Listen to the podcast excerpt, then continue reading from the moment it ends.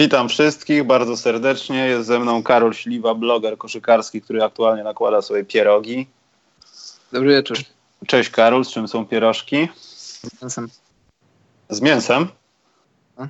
No to mamy pierwszą poważną, Karol, różnicę światopoglądową. To co, mięso w piątek, tak? Nie, ty nie wiesz z kim rozmawiasz. Nie, bardziej chodzi mi o to, że mięsne są niedobre. Mięso jest niedobre? Jak to tak Nie, mówi? mięso jest dobre, tylko mięsne pierogi są niedobre. Znaczy ja pomijam jakieś tam miksy, jakieś dim sum, pierożki, jakieś takie inne rzeczy, ale nasze polskie pierogi z mięsem, kapusta z grzybami, żeby teraz może też nie być wykluczony znów z głównego nurtu mediów, ale ruskie są całkiem niezłe. Tak, potwierdzam. Lubię Ale wszystkie, nie licząc, nie licząc na przykład jakichś takich fanaberii, jak, jak powiedzmy pierogi z jagodami czy z truskawkami. owocowe, na miłość boską, to powinno być karane. To jest wbrew konwencji genewskiej. Ja kiedyś z jagodami miałem przyjemność, przyjemność i ze śmietaną. to była taka rewersowa przyjemność. No. Bardziej, bardziej było bliżej mi do wypróżnienia niż do powiedzenia, że to było dobre. Aczkolwiek no, jagody są spoko, ale na przykład zupa owocowa, Karol. Dramat. Lubi... To jest dramat. To jest stary dramat. Ja pomijam, że pomidorowa może na przykład być kwalifikowana do owocowych w jakiś sposób, ale no, jak nie pamiętam, wiśniowa czy cytrynowa, coś takiego i to na ciepło z makaronem. Ugh. Karol, siebie słyszę znowu. Sorry. Słuchasz mnie, słuchasz mnie podwójnie aż tak? Mhm. Słucham cię podwójnie. Zawsze. Dobrze, fenomenalnie. Witajcie mili ludzie, wszyscy, którzy się zebraliśmy tutaj w tym pięknym podcaście. Eee, może zaczniemy od offline'owego Donka, bo przesłał nam go Łukasz. Łukasz ma dobry nick, Karol, bo ma... A zresztą zobaczysz, skoro już słuchasz mi podwójnie, to y, 12 dni do końca sezonu takie niki lubimy, w którym jest słowo cash. Łukasz. No dobra. Dzięki. Dobra, Dzięki za, dzięki za dobrą robotę, aczkolwiek no nie wszyscy dostrzegają tą robotę, Karol, ale obiecałem o tym nie mówić. Czuję się zdruzgotany pewnymi sądami w internecie, Karol. Dlatego przejdziemy do newsików. Naszym podstawowym newsikiem jest to, ciebie Karol chyba to bardziej boli, chociaż ty jesteś taki, że w zasadzie jak pojedziesz, to pojedziesz, a nie, że tam znowu, ale chyba by robiło się miło, żeby tak nie zabrzmieć dwuznacznie. Mówię tutaj o Londynie, bo NBA ogłosiło, że przenosi mecz londyński do Paryża. No to jest związane z polityką, no Brexit, te, tego, tego typu sprawy, dlatego NBA wolałaby się przygotować. Chociaż też nie wiem z jakiego powodu mieliby tego tam nie robić nawet po Brexicie, bo, bo co? No właśnie, ja nad tym ubolewam. Bardzo mi się Londyn podobał. E, Londyn lubię nie tylko z racji NBA, Londyn lubię też prywatnie. Ale wiesz co, Karol, gdyby to nawet był, nie wiem, Toruń, Włocławek, wiesz, regularne miejsce, to już wiesz, gdzie co jest, przynajmniej w moim przypadku, wiesz. Wiesz, jak tu, tam dojechać, gdzie fajniej byłoby mieć nocleg, jak się zorganizować, nawet na nasze legendarne powroty. A, weźmiemy nocleg jednak po mecz, meczu. Nigdy do tego nie doszło i przesiadywanie na lotnisku nie jest fajne, to należy do tortur bardziej. Ale mimo wszystko jest, byliśmy zorientowani jakoś, a teraz tutaj język, cytując jeden z najlepszych, jedną z najlepszych komedii, język idiotyczny. Ja dla niego jestem W. Ja dla niego, tak. Słuchaj, tutaj no tak, tak jak powiedziałeś, to, to NBA mogła zrobić Brexit przed Brexitem. Adam Silver wielokrotnie podkreśla, że jeśli robią jakieś deale, robią jakieś interesy z krajami czy z jakimiś organizacjami, to chcą, żeby to było czyste, czyste podatkowo, przejrzyste podatkowo, przede wszystkim przewidywalne. A to, co się wydarzy teraz e, w Wielkiej Brytanii, to, co się wydarzy teraz na, teraz na linii Unia Europejska, a Anglia, tego, my tego nie wiemy, NBA też tego nie wie, a NBA chce być na, chce być na bezpiecznym rynku i, i wiesz, no i dla mnie to nie jest problem, jestem przekonany o tym, że, że i jeśli będzie Brexit, to i Anglia się dogada z Unią Europejską i tak samo NBA by się dogadała z Anglią, tylko wydaje mi się, że że tutaj też mogła być umowa, która po prostu się zakończyła. Ta umowa była między brytyjską telewizją, w ogóle obiektem O2, a NBA.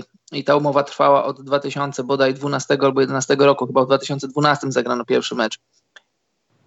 I tak najzwyczajniej. Na początku to był chyba ten konspekt dwumeczu, tak? Tak, Że tak, tam... tak. Y, właśnie. To grało Chicago z Brooklyn Nets. I być może tak najzwyczajniej w świecie ta umowa dobiegła końca i właśnie z tego względu politycznego nie przedłużono tej umowy. Ale poczekaj, Karol, no. zatrzymaj no. się, bo myśmy o tym już mówili po powrocie naszym z Londynu. E, to, był, to, to był apsik? To był apsik, tak. To na zdrowie. Nie wiem, czy to cię co mnie wpienia, też denerwuje jak smacznego, ale na zdrowie, Karol. E, życzyć możesz mi, nie ma problemu. Chociaż to bardziej uważam za bardziej bezsensowne niż na smacznego, no ale nieważne. E, chodzi mi o jedną rzecz. No, byliśmy przy tym pytaniu. Nie wydawało mi się, że przesłyszałem się, ale padło pytanie, a kiedy na przykład mecz w Paryżu? No to, był, to jest tradycyjne pytanie dla dziennikarzy z mediów europejskich albo w ogóle miejsc, gdzie jeszcze NBA nie było. Nie wiem, Turcja, Niemcy, znaczy no Niemcy było, ale pytanie o taki mecz jak w Londynie zawsze się pojawia. No i może wyjątkowo Adam Silver odpowiedział na to pytanie, że my nie potrzebujemy szukać nowego miasta. Jesteśmy świetnie tutaj dogadani, administracyjnie świetnie wszystko stoi, jesteśmy jak u siebie i w zasadzie już nie odczuwamy tego, że wyjeżdżamy gdzieś tak bardzo poza jakimś tam jetlagiem i no wiadomo logistyką. I to, to może, i to Karol trochę nie gra, no bo ja pamiętam, że było takie pytanie i komisarz NBA mało tego, to było na NBA TV, więc raczej to nie było w takim łapanka w korytarzu z mikrofonami, czy tam na treningu, więc no to, jest prawda, Michał, to jest prawda, Michał, dlatego też ja jestem tak delikatnie zszokowany, dlatego że Londyn e, to, to jest rzecz, o której się nie mówi aż tak dużo. Język angielski. Dla tych wielu młodych koszykarzy wyjazd do Londynu to jest pierwszy raz, kiedy muszą używać paszportu, no nie licząc wyjazdów na, na mecze z Toronto Raptors. I ta bariera kulturowa, bariera językowa dla Amerykanów szczególnie, to, to, to jest rzecz często, to jest, to jest szok często kulturowy. I przyjazd do Londynu to jest takie miękkie lądowanie.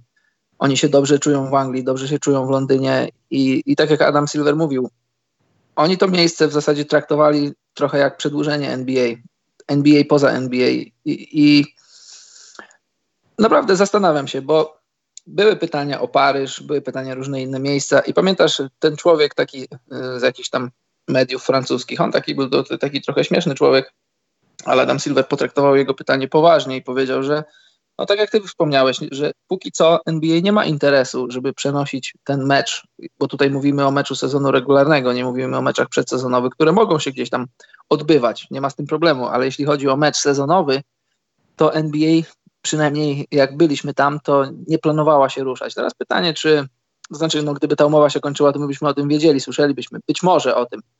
Czy to chodzi o Brexit, czy to chodzi o jakieś tam inne umowy, które wygasają czy wygasały i Adam Silver wolał mieć, wolał mieć pewny grunt niż częściowo niepewny. No bo ja nie, nie uważam, że to, co się dzieje teraz w Anglii, to jest niepewne. Dobrze, Karol, ale wiesz, też trzeba wziąć jedną taką rzecz pod uwagę, że ja nie wiem, czy ta data była regularna, powtarzała się i systematycznie tak było co roku, ale wydaje mi się, że w ostatnich 3-4 latach było tak, że ten termin był tak zwyczajowo podawany gdzieś w okolicach wakacji. Trochę off-season, trochę ni to finały, wiesz, jakiś czerwiec, a teraz nagle jest boom. I... Wiesz co, chyba nie. Wydaje mi się, że z tego co pamiętam, to w zeszłym, w zeszłym roku, roku było w czerwcu. latach jakaś... Nie, Michał, wcześniej. To jeszcze była końcówka sezonu regularnego. Na, na pewno. Mi się wydaje, że w czerwcu jakoś. Musiałbym patrzeć w archiwa, ale wydaje mi się, że to była właśnie mniej więcej o tej porze roku końcówka. No ale to jest nieistotne, Karol. Ja cieszę się z jednej rzeczy. Ja pamiętam, że u Conana O'Briena w programie e, było określenie tego, co właśnie co chcę powiedzieć, ale język francuski, w ogóle Francja, ja nie chcę mówić, że to będzie dla jakichś, jeśli oczywiście uda nam się tam wspólnie wybrać i e, zrobić kolokwialnie mówiąc nie mniejszą trzodę jak z Bradleyem Billem w Paryżu, żeby, żeby, żeby zadać znowu jakieś pytania, żeby na przykład Antetokounmpo podszedł do ciebie i powiedział Ale jaką trzodę? O czym ty mówisz? No taką trzodę, że wiesz, zamieszanie, nie? To, że butelki, wiesz, Fame MMA czy coś takiego, Karol, nie, no, takie inteligentną trzodę taką. Trzodę wiesz. to inni robią na ulicach Paryża. Dokładnie, my też to będziemy chcieli udokumentować, więc to jest ważne, natomiast y, na to jest jakieś słowo, że y, ludzie potrafią udawać inne języki, bełkocząc bez sensu, tylko w określonym akcencie, tonie i tak dalej, natomiast nie znasz tego języka. Wiesz, Karol, jak dobrze znamy francuski w takim układzie? Ja już widzę, jak idziemy ulicami gdzieś tam i je, je petit, i no to dobre było. I rozumiesz. I ja nawet nie wiem, może to kogoś obraża i faktycznie układa się w jakieś słowa, ale to będzie fenomenalne. Tylko po pierwsze, potrzebne są berety i te takie wąsy, Karol. Takie wąsy piekarza. Albo hodowane, albo kupujemy w śmiesznych rzeczach. No i właśnie ja myślę, myślę, że to będzie, to będzie taka rzecz, no nie wiem jak to będzie od strony finansowej, ale właśnie wydaje mi się, że ta bariera kulturowa, no bo jak to jest bariera, jak to był we Francji, ten wie, ludzie nie mówią po angielsku, a nawet jeśli mówią, to nie mówią, nie przyznają się do tego, że mówią. Mhm. Sam byłem, byłem świadkiem wielu takich sytuacji, że mówię do ludzi po angielsku, oni mnie rozumieją, ale mówią, że nie mówią. I, i dla zawodników NBA to może być problem i może być tak, że po roku NBA się przeniesie z powrotem do Londynu. Może to jest jakaś próba badania nowego rynku, szukania nowych rynków zbytu i zarobku. Może Brexit też się z tym łączy, tego nie wiem. Adam Silver nic mi nie mówił na ten temat, ale ja nie uważam, że to jest dobry pomysł. Mi też się to nie wydaje dobrym pomysłem, natomiast to też trochę idzie tym takim, nie wiem, torem poszukiwania jakiejś tam, wiesz, teorii spiskowej, że raptem nagle Milwaukee i Charlotte to nie jest Wizards ani Knicks, nawet gdyby w tych drużynach grali wszyscy zawodnicy, którzy wtedy byli w składzie, tylko że powinni być zdrowi to jest taki trochę prezencik że na zapomnienie. Wiecie, do tej pory ten mecz był taki średni, wyszedł jakoś przypadkiem w końcówce fajnie. W poprzednim roku też nie był zaporywający, a były gwiazdy. No to w tym roku chcielibyśmy przynajmniej, żeby Antek zrobił show i mam nadzieję, że Kemba Walker, chociaż nie życzę mu, ale zostanie wtedy w Charlotte. Wiesz, bo to jest, to, to jest wysoka półka w miarę. No wschód, bo wschód, żaden zachód, nie, to nie jest Golden State Warriors, ale to może być jeden z najlepszych takich spotkań najlepsze ze spotkań, jakie miały miejsce podczas tych europejskich wizyt Global Games. No to może być, to może być aktualny MVP, jeśli Andek zostanie. Dokładnie. W ostatnich latach nie było MVP w Londynie. Mm. A ostatnia rzecz, jaka przyszła mi teraz do głowy, to, to sam fakt, że może ktoś się zorientował, że koszykówka w Anglii aż tak nie, nie je. To jest poziom, myślę, popularności, nie chcę przesadzić, nie? ale polski. Wiadomo, że bariera językowa jest, jej nie ma, bo po angielsku w Sky Sport czy gdzieś oglądasz sobie NBA i wszystkie sporty świata i nie ma z tym najmniejszego problemu. Natomiast no, patrząc na ich występy, kadry, ligi i organizacje, to nie jest kraj koszykówki. A Francja tak. też krajem koszykówki nie jest, ale ilu parkerów? Nie no, Francja jest. A nie jest bardziej piłki nożnej krajem? No, ja bym powiedział, że jest, jest krajem wielu sportów zespołowych, no bo Francuzi są dobrzy i, i w nogę, i w kosza, i w siatkówkę, i w ręczną. Hmm. No ale koszykówka zdecydowanie jest popularniejsza niż w Anglii, w Wielkiej Brytanii w sensie, także... Ale wiesz co, ja myślę, że paradoksalnie dla tego meczu w Londynie to nawet było dobrze, bo pamiętasz, jak rozmawialiśmy z Lukiem Cornetem, że spokojnie sobie chodził. No wiesz, Luke Cornet jest Lukiem Cornetem, nie jest Janisem Antetokounmpo, ale że jest, jest, jest trochę więcej luzu dla graczy NBA, bo no bo nie są aż tak bardzo rozpoznawalni, jak mogliby być rozpoznawalni u siebie, czy gdzieś tam w krajach bardziej, bardziej zainteresowanych koszykówką. A i tak hala O2 zawsze jest pełna, i tak sprzedają się rzeczy, bo te rzeczy się sprzedają w obrębie kibiców, którzy napływają do Londynu z całej Europy, więc y, biznesowo na pewno NBA nie traciła na tym, że, że w Anglii jest takie zainteresowanie koszykówką, jakie jest. Vive la France! Także ja czekam na to, aż będziemy już mogli pocić ręce, czy dostaniemy odpowiednie dokumenty, żeby tam jechać, bo ja chciałbym, chciałbym sprawdzić, kto ma większą dłoń, ja czy Antek. Zjemy ślimaka? Nie. Znaczy możemy zrobić patostream. Wtedy będziemy oddawali pewnego rodzaju wydzieliny do wiader, kubów, bo nie. Nie, nie, nie, nie przejdzie mi to. Tak jak te szwedzkie śledzie solone w puszce, to jest na tym samym levelu. Chyba, że jadłeś i polecasz, no to może, ale tak to... Nie jadłem, ale podobno jest dobry kebab ze ślimaka, to bym mógł zjeść. Próbujemy. Ha? Ha? Dobrze. Dobrze. Kebab ze ślimaka, tak. Jedziemy, Karol, dalej z newsikami. Znaczy to jest...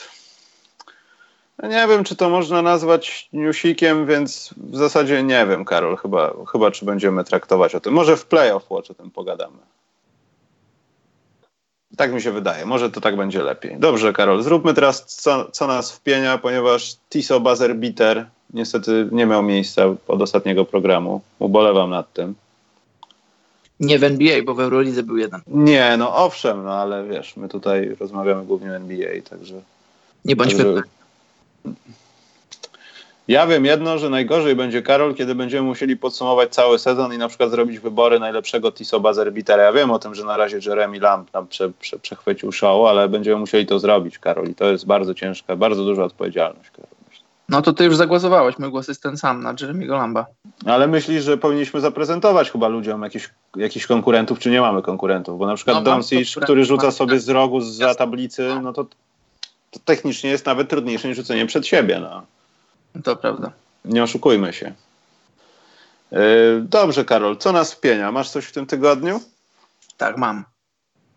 To zaczynaj. Yy, jak wiesz, od tego sezonu NBA dała zielone światło na to, żeby zawodnicy grali w butach, jakich tylko chcą. Bez względu na kolor, bez względu na model, bez względu na markę. I bardzo mnie to cieszy. Lubię buty, lubię oglądać buty, lubię kupować buty, nosić buty, obserwować, w czym grają zawodnicy. A co mnie wpienia? Wpienia mnie to, że nie, że nie poszedł za tym marketing. Nie poszło za tym to, że mogę sobie te buty kupić gdzieś w sklepie.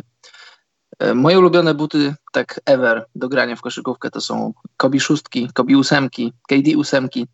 I nigdzie tych butów kupić nie mogę. Na szczęście mam KD ósemki i KD szóstki, ale kupione, kupione parę lat temu i nieużywane. Mam je w szafie prawie jak nowe. Wpienia mnie to, że, że Nike, czy Adidasy, czy inne firmy nie poszły, nie poszły za ciosem, nie poszły za tym zielonym światłem, które dostały od NBA i nie, nie, nie wprowadzają na rynek tych, tych starszych modeli, które, żeby można było je po prostu normalnie kupować, nie po jakichś tam e, eBayach, nie po jakichś tam rynkach wtórnych, tylko normalnie idziesz do sklepu i kupujesz sobie Kobi szóstki, Kobi, Kobi ósemki i różne inne modele. Na przykład sędziuje w Kobi piątkach są świetne, są miękkie, lekkie, to są jedne z najlżejszych butów, jakie wyszły do koszykówki.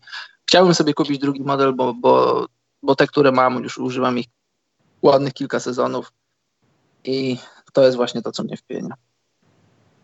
Dziękuję. To aż tak, że to się tłumaczy do działu, co cię wpienia, Karol? Tak, ostatnio, ostatnio, bo wiesz, raz na jakiś czas, to w zasadzie to nawet codziennie wrzucane są na różne tam platformy społecznościowe, w czym dan, dany zawodnik dzisiaj grał.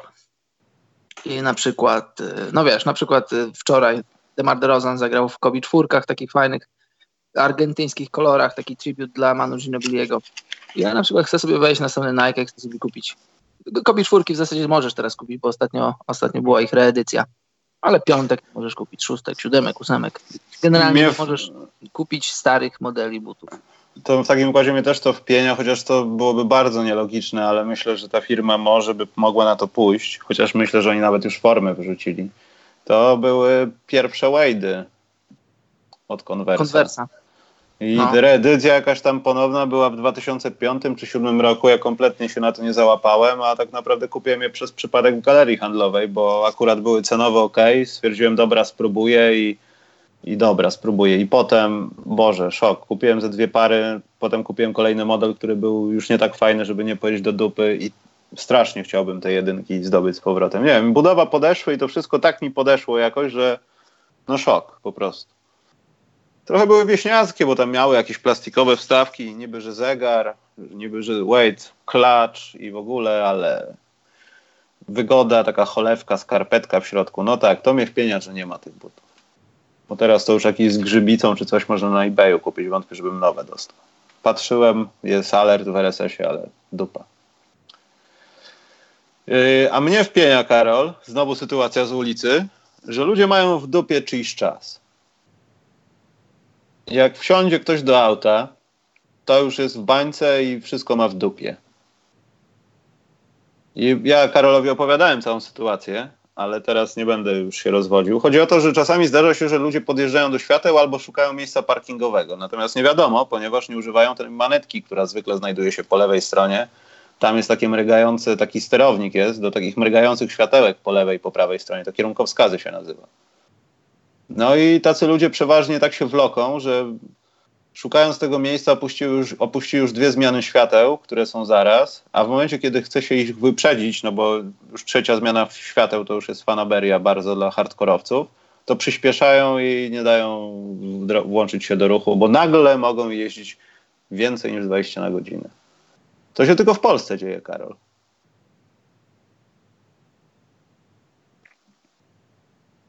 Jesteś? Tak, jestem. Mnie też to bardzo bulwersuje. Ludzie, wiesz co, ludziom brakuje, nie wiem, czy to uczą tego na kursie, czy nie uczą, y, takiego obycia i to nawet już nie chodzi o bycie drogowe, takiej trochę kultury, że szukasz miejsca parkingowego po prawej stronie, no to daj ten kierunkowskaz, czy daj jakikolwiek inny rodzaj światła, żeby pokazać temu, tym ludziom, którzy jadą za tobą, że że ty nie przemieszczasz się z punktu A do punktu B, tylko ty już chcesz zatrzymywać się, ty szukasz miejsca parkingu. Dla mnie to jest logiczne, zawsze to robię. Nie wiem, czy ktoś mnie, ktoś mnie tego uczył, czy ktoś mi to mówił. Dla mnie to jest takie naturalne, że, że jeżeli jadę powoli i chcę gdzieś się zatrzymać, szukam miejsca, żeby się zatrzymać, to daję znać ludziom o tym, że, że to chcę zrobić. No, e, nie wiem, nie wiem, co więcej mogę dodać, ale jestem po twojej stronie tutaj. Powiem ci, że to. Ja wiem, że sytuacji, sytuacja na drodze to zawsze, zawsze nie, doprowadzi do, nie doprowadza do niczego się pieklenie, a tym bardziej edukowanie ludzi, bo to nie tędy droga. I też niech pierwszy nie rzuci kamieniem, kto nie próbował tej pani, która jedzie lewym pasem 40, pokazać hamując przed nią, że, że jednak powinna zgasić samochód. Natomiast z takimi ludźmi, no ja nie, właśnie ty powiedziałeś, to jest chyba to, co też wcześniej rozmawialiśmy, jakiś elementarny problem w nauce ludzi jazdy samochodem. Za granicą nie spotkałem się z czymś takim. Nawet patrząc z autobusu gdzieś i patrząc, jak ci ludzie wjeżdżają, to tam nie ma nikt problemu, tam sobie ktoś trąbnie. trąbnie. Ale żeby jeden na drugiego się dar, no to faktycznie albo spotka się dwóch czubów, albo jeden jest jakiś bardzo nerwowy, ale to nie jest taka akcja jak no, u nas, no, byle skrzyżowanie już się zaczyna. Powiem przeważnie ci, ten trąbiący ma niestety rację, wiesz. Nie to, żeby przemandrzać się i robić z kogoś, ale przeważnie ma rację i to jest najgorsze. Na rondach ludzie w Polsce nie wiedzą, jak, jak wygląda koło, jeśli wsiadają za kółko. Tracą zmysł geometrii kompletnie. Ale powiem ci, że w Finlandii też czasem się to zdarza. Ale największy problem jest taki, że w Polsce, jak, jak widzisz, że ktoś próbuje, szuka miejsca parkingowego, a nie daje o tym żadnego sygnału świetlnego, no to w końcu prędzej czy później ludzie zaczynają go wyprzedzać. W Finlandii problem jest taki, że się robi, robi się kolejka, bo ludzie się generalnie nie wyprzedzają, a szczególnie w miejscach zabudowanych i tu się robi kłopot. Robi się korek. A dlaczego, a, a dlaczego się nie wyprzedzają?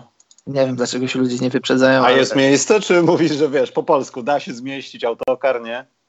Bardzo rzadko się ludzie wyprzedzają i, i to jest, dla, jak, jak dla mnie, to jest na początku mi się to podobało, że jest taka duża kultura, że ludzie są tacy przezorni i w ogóle, ale z czasem zaczęło mnie to też drażnić trochę.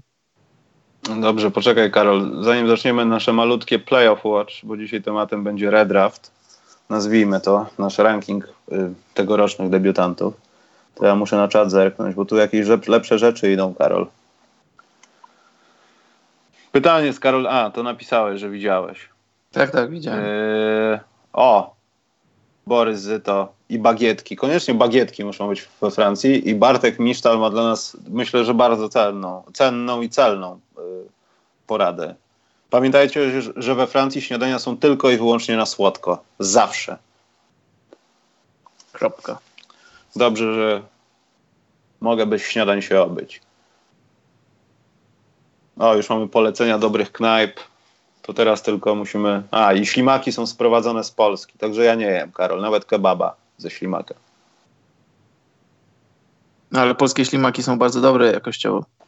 Ja wiem, ale, ale przez sam fakt, że ja w Polsce nie zadam ślimaka, ja jadę za granicę, bo oni mają w kuchni ślimaki i ja będę cudze jadł. To jest już francuski, może jeszcze kebab z ślimaka bym zaakceptował, ale tak to tak to ten. Yy, właśnie, Karol, bo ja właśnie chciałem to w newsikach powiedzieć. Zanim powiemy jeszcze o Playoff Watch. Pamiętasz, jak się nazywała ta osoba na czacie, co mówiła, że Magic Basketball nie wyjdzie? Mamy to zanotowane gdzieś? Tak, Mikołaj Kopernik. nie Poważnie, nie, nie, nie, pamiętasz? No to musimy znaleźć tą osobę, bo chyba to się stanie, więc y, ta osoba jest nam winna wywiad z z Michaelem Jordanem, tak jak się umawialiśmy. Czekamy do końca kwietnia. Wysyłaj na adres, także dobrze. Karol, Playoff Watch. Ja myślę, że w Playoff Watch yy, jeden temat na zachodzie, ale najpierw na wschodzie. Zobacz, to Orlando Magic. Widziałeś ich? Tak, widziałem ich i widzisz, mówiłem, nawet słuchałem sobie ostatnio, parę dni temu naszego ostatniego podcastu i mówiłem, nie przekreślajmy jeszcze Orlando. I duży szacunek dla nich, że mecz w back-to-backu na wyjeździe z bezpośrednim rywalem, no i jednym z dwóch bezpośrednich rywali do walki o playoffy oni to wygrali. Magic są ciekawą drużyną. Potwierdzili to, że są naprawdę ciekawą drużyną, dobrze coachowaną, sorry, że tak mówię, dobrze trenowaną, mają dobrego trenera. I No i jestem, jestem, jestem ciekaw, jak to się rozegra, bo teraz y, to jest wyścig. Wiesz co, to jest wyścig pięciu drużyn. Detroit, Brooklyn, mm -hmm. Miami, Orlando i Charlotte. I wiesz, no, niech wygra najlepszy. Jest, no i... Masz trzy, trzy, miejsca w playoffach, o które powalczy pięć drużyn. O, to prawda. Znaczy, ja bym może Charlotte to tak, ja wiem, że mają mecz straty do Orlando z kolei, które ma pół meczu straty do Miami i mecz straty do siódmego Brooklynu. No już nie będę się rozwodził wyżej, e, bo do Detroit też niewiele. Natomiast no, z tym Charlotte, no nie wiem, oni, ja wiem, seria trwa, ale mają, mają y, za dużą odległość do przebycia, mi się wydaje. To jest jedna sprawa. Druga sprawa jest, jak, jak patrzysz skład, na skład Charlotte, no to sportowo mają najmniej. Mają Kemba Walkera, potem długo nic i mają Jeremiego Lamba. No z całym szacunkiem dla Jeremiego Lamba, ale jeżeli Jeremy Lamb jest, jest drugim strzelcem twojej drużyny, no to, to, to nie świadczy o nim dobrze, tylko świadczy źle o twojej drużynie. Jeremy Lamb nie może być drugim najlepszym strzelcem drużyny, która gra w playoffach. Nie możesz tak mówić, jak mamy dać mu Tiso Bazerbitera, Karol. To jest no, nie, Bazerbitera to może trafić pan Janek z podbudki z piwem. No, czasem się zdarza. Czasem się zdarza. W Charlotte gra u siebie Charlotte w ogóle, gra w Charlotte. A nie, przepraszam, to są mecze wyjazdowe, o czym ja bredzę. Grają cztery mecze wyjazdowe, jest Los Angeles, Golden State, Utah, Nowy Orlean. Potem jest Toronto, potem jest Detroit, Cleveland i Orlando na koniec sezonu. E, Fajnie by było, jakby nie da rady tak, się, tak się ułożyło. Pewnie nie da rady, ale jakby ten ostatni mecz to było tak jak w zeszłym roku Minnesota i Denver i tutaj masz na talerzu, to znaczy na szali zwycięstwo jest i wejście do playoffów, czyli playoffy przed playoffami. Nie wiem, czy akurat by to było super sprawiedliwe, ale no, móc taki mecz obejrzeć jeszcze raz, drugi sezon z rzędu, fajnie by było. Tak, ale zaczynam chyba po cichu kibicować tym, którzy nie mają szans, znaczy nie mają szans, mieli nie mieć szans, bo siła terminarza i to wszystko i prawdopodobieństwo playoffów wyliczone matematycznie na Basketball Reference jest oficjalnie do dupy. Jak widać, koszykówka wygrała w tym przypadku. I mi się wydaje, że Orlando może zrobić brzydki numer. Tylko, że to byłby z kolei brzydki numer dla Miami, gdzie ja wiem, że to jest pierwsza runda i do widzenia, ale jeśli Wade chce się żegnać, to jest chyba najlepszy możliwy sposób, który, który, w jaki może to zrobić. No dla Wiesz, Wade'a by playoffy, klacz jakiś, coś, coś. Raz, że playoffy, a dwa, że seria przeciwko Milwaukee, czyli historia by zatoczyła koło, bo zapewne skończyłby meczem w Milwaukee, y, czyli tam, gdzie studiował Marquette. Y, no, On chyba niedobrze wspomina ten okres, kiedy zjedzono mu kolana, także ja bym nie przesadzał, Karlo. No wiesz, on się na to zgodził, taka była medycyna, taka była wiedza na temat kontuzji, taka była wiedza na temat y, robienia operacji, pewnie, no na pewnie, na pewno z perspektywy czasu inaczej by postąpił, inaczej by to rozegrał. Czy oni go tam oszukali, to już teraz nie pamiętam. Dobrze, to idźmy na zachód, e, bo na zachodzie ja mam, wiesz co, ja mam olbrzymi problem z tym, że Portland dalej wygrywają. A bo znowu. Portland? znaczy, ja nic nie chcę. Serduszko, w ogóle kocham. Świetnie. Oregon mógłbym tam mieszkać. Natomiast trzecie miejsce na zachodzie, wiedząc o tym, że tutaj może być pozorny upset. Portland może nie przejść Karol pierwszej rundy. Co z tego, że będą na trzecim miejscu? Portland nie przejdzie pierwszej rundy. Może, nie przesadzajmy, no bo na dzień dzisiejszy no, słuchaj, z Orlando, okej. Okay. Tak, no. jeżeli, przepraszam, Orlando, Clippers. Jeżeli zagrają z Clippersami, sprawa jest otwarta, bo wtedy najlepszy zawodnik jest po stronie najlepszy zawodnik serii będzie po stronie Blazers. Nie wiemy, co z McCollumem. McCollum nadal jest, jest kontuzjowany i to jest, to jest kontuzja kolana. McCollum musi być na 100%, żeby Blazers mogli wrócić. No, lubię Zaka Collinsa, lubię Myersa, Leonarda, ale to jest dużo poniżej tego, co dawał Nurkic. I, i ja wiesz, no nie chcę ich skreślać, ale nie, nie widzę tego, żeby mogli przejść pierwszą rundę. No chyba, żeby, tak jak powiedziałem, chyba, żeby zagrali z Clippers i mieli przewagę własnego parkietu. Wtedy może, wtedy zakładam, że to będzie długa seria, nawet może być ciekawa, bo obaj trenerzy y, mają dobre systemy i to może być, to może być niezła sportowo seria. I jeśli Portland będzie faktycznie trójką, a Clippersi szóstką, no to może. W takim scenariuszu i w takim meczapie jestem w stanie to sobie wyobrazić, ale w żadnym innym, jak, jak, jak przyjdzie do meczapu z jakąkolwiek inną drużyną z tej ósemki, no to, to nie widzę Blazers wygrywających. Znaczy ja Karol to szanuję w 100%, że seria pięciu zwycięstw, e, nie masz McColluma w dłuższej chwili, Nurkic już gdzieś tam od jakiegoś czasu też jest poza grą. Straszne, nie mogę w ogóle o tym mówić, bo cały czas widzę to, jak ten sędzia i to... E, że to tak no to naprawdę nadmuchuje balonik bardziej niż pokazuje to, że Portland jednak mimo z takimi osłabieniami potrafi dalej się piąć do góry i może jeszcze ktoś snuć iluzję, że tam dowiozą te 50 zwycięstw do końca sezonu i przegonią na przykład, nie wiem, Denver albo będą jakoś bardzo blisko drugiego miejsca. I z tym mam problem, bo potem w playoffach może się okazać, że tacy Clippers, którzy absolutnie to trochę trochę mi przypomina, nie przez to, że był Marcin Gorta, tylko przez to, że tak wyglądali trochę Wizards, jak byli w playoffach. Oni nie mieli absolutnie żadnych ciśnień. Może tam John Wall coś sobie ciśnieniował, ale wiadomo, że nikt za specjalnie na was nie stawia, więc łatwiej jest grać w jakiś sposób. I A, Clippers chyba działają na, te, na, tej samej zasadzie, wiesz, no będziemy grali z tym Portland z trzeciego miejsca, ale sportowo wcale nie jesteśmy gorsi od nich, wręcz przeciwnie. Ofensywnie myślę, że jeśli drużyna będzie w rytmie, no to pięć spotkań może być, to, a poza tym y, Pelicans pokazali w zeszłym roku, jak trzeba grać Clippers. A, w sensie, a, tak, tak, no tak, tak masz rację. Tak, tak, podwajasz, podwajasz Lillarda. Lillard swoje rzuci, ale to będzie takim nakładem sił, że zajechany po dwóch, trzech meczach nie da rady sam. A jeżeli nie będziesz miał jeszcze Mokkoluma, to wystarczy podwajać, a nawet czasem i potrajać Lillarda. No i koniec. I wężowi odcinasz głowę i węża nie ma. No, pukanie w zegareszek niestety na niewiele się zda w tej, w tej materii. No ale ja życzę Portland jak najlepiej, niech się z tym McCollumem okaże coś, nie chcę powiedzieć niegroźnego, no bo to jest groźna sytuacja i może jeśli trzeba będzie zrobić operację, no to nie ma na co czekać. No, ten, ten tydzień dłużej rozgrywek trudno. No, no jasne. E, natomiast y, no ja chciałbym, żeby Portland może, może jednak przeszło tą pierwszą rundę. Fajnie by było, ale tak nie widzę tego za specjalnie. A Karol, powiedz mi, walka o ósme miejsce, bo nie chcę o niczym więcej już chyba rozmawiać z Playoff Watch. Chyba, że ty masz coś w głowie. Y, walka o ósme miejsce, bo nie nazywam tego walką o siódme miejsce, bo tak naprawdę i Thunder, i Spurs może być trochę na rękę, żeby tam być. W sensie na ósmym miejscu wiadomo, trafiasz na Warriors, ale jak jesteś na siódmym miejscu, to grasz z Denver. A i Oklahoma, i San Antonio myślę, że mogą spokojnie powalczyć z Denver i Denver wcale nie musi być faworytem. Y, właśnie, ja o tym mówiłem już ostatnio i też i, i wcześniej. To jest walka o siódme miejsce i, i wiesz, i masz Jazz, którzy mają 30 porażek, Clippers 31, Oklahoma 31, Spurs 32. I to w zasadzie do ostatniego meczu będzie się decydowało, kto będzie ósmy, kto będzie siódmy. Kto będzie ósmy, ten po czterech, pięciu meczach pojedzie do domu. To wiadomo, to są Warriors. Ale kto zagra z Denver, tutaj się już sprawa otwiera. Dla Oklahomy, jeżeli będzie taki, taki matchup, to ja stawiam na Oklahomę.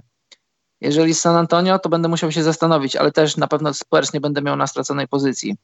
Clippers, no z racji tego, że nie mają aż tak szerokiej kadry, jak, jak, jak mają Denver, to raczej bym stawiał na Denver, ale, ale to siódme miejsce wygląda naprawdę atrakcyjnie dla, dla tych drużyn od, od miejsca 5 do 8, bo myślę, że Rockets nie spadną, nie spadną na siódme miejsce.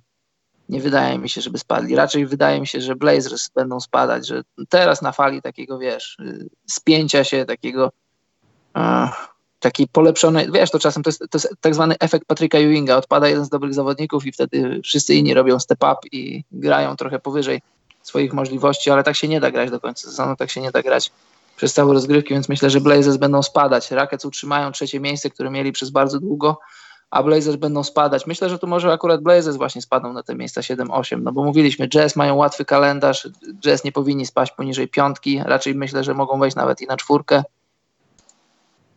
A poza tym to jest loteria, co tu się będzie działo. No drużyny mają podobne bilanse, jeszcze mają podobną liczbę meczów do zagrania, tu się wszystko może wydarzyć. Bo jak patrzę na przykład na Thunder, to wydaje mi się, że oni też są taką drużyną bez ciśnień. Oni wiedzą, że oni był taki moment, że celowali w trójkę, tak mi się wydaje, w czwórkę, a teraz, kiedy powinęła im się noga w kilku meczach, w których nie powinna była się powinąć, to, to teraz już są bez ciśnień, czy, czy zagrają byleby nie zagrać z ósmego miejsca, a miejsca 7, 6, 5 to jest to, to biorą każde z tych miejsc.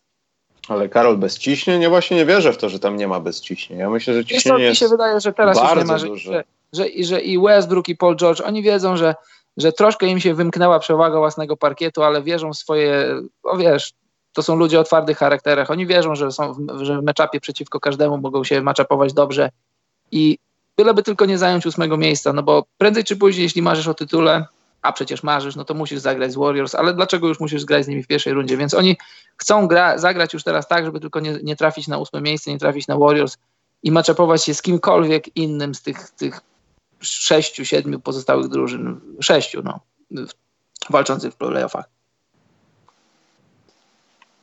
Okej. Okay. W takim układzie przejdźmy do gwoździa programu, bo chyba już Playoff Watch nas, nasz trzydniowy się zakończył.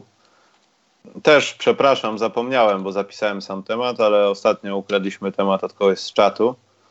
Tak, roboczo nazwałem to redraft, ale będziemy rankingować tą loteryjną czternastkę, chociaż niektórzy może wypadną, może niektórzy się w niej pojawią, yy, z zeszłorocznego draftu. Z tego sezonowego w zasadzie, ale zeszłorocznego. Więc ja chyba nie będę zapisywał tego na ekranie, bo oznaczę to w jakiś dobry sposób, żeby można było to odsłuchać. Może potem sobie gdzieś to spiszemy na spokojnie. Natomiast, no, Karol, chyba jeśli chodzi o pierwsze miejsce, to nie będziemy się kłócić. Kto wypadł najlepiej, można się. powiedzieć. No o co? O to, że Doncic jest na jedynce, jeśli chodzi no, o to. Znaczy też uściślimy, no to, to też nie jest tworzenie takiej listy, że jeśli zawodnik jest na pierwszym miejscu, to poszedłby tutaj do tej drużyny, czyli do Phoenix Suns, która miała pierwszy pik w drafcie. Od razu chciałbym zaznaczyć. Tak, bo ja tu też, ja patrzyłem też to na, na dwa sposoby, no bo jeżeli obaj mamy Treya Younga na dwójce, a pewnie go mamy, hmm. a jeżeli na dwójce wybierali Sacramento Kings, to wydaje mi się, że też by go nie wybrali, bo przecież mają Darona Foxa. O to no tak, chodzi. ale tak, ale no tak, a poza tym wiesz, projekt Doncic... pod względem pod względem tylko talentu i tego, jak się zaprezentowali w tym sezonie, a nie pod konkretne drużyny, pod to, jak ten draft wyglądał. Dokładnie. Bo wtedy te, to nie miałoby po prostu najmniejszego sensu, bo gdzieś byśmy przestrzelili potrzeby zespołu, po prostu. No. E, ale dobrze, Luka Doncic jest pierwszy. Tak. E, to chyba jest no-brainer, to też nie będziemy tłumaczyć. No na drugim miejscu też mam Treya Younga, gdyby się mhm. nie przydarzył styczeń, no może styczeń nie, ale luty, marzec, to też pewnie byśmy nie rozmawiali w tych kategoriach, jak najbardziej. Mhm. E, na trzecim miejscu mam poważny problem, bo ja wiem, że Bagley jest niebitym pasatem, który ma 45 lat. Natomiast e, czy, czy tak bardzo jego sytuację, jego ocenę nie psuje to, co się dzieje, bądź też się nie dzieje w Phoenix? Mówisz bo, Bagley, czy masz na myśli Ejtona? E, mam na myśli Ejtona. Mhm.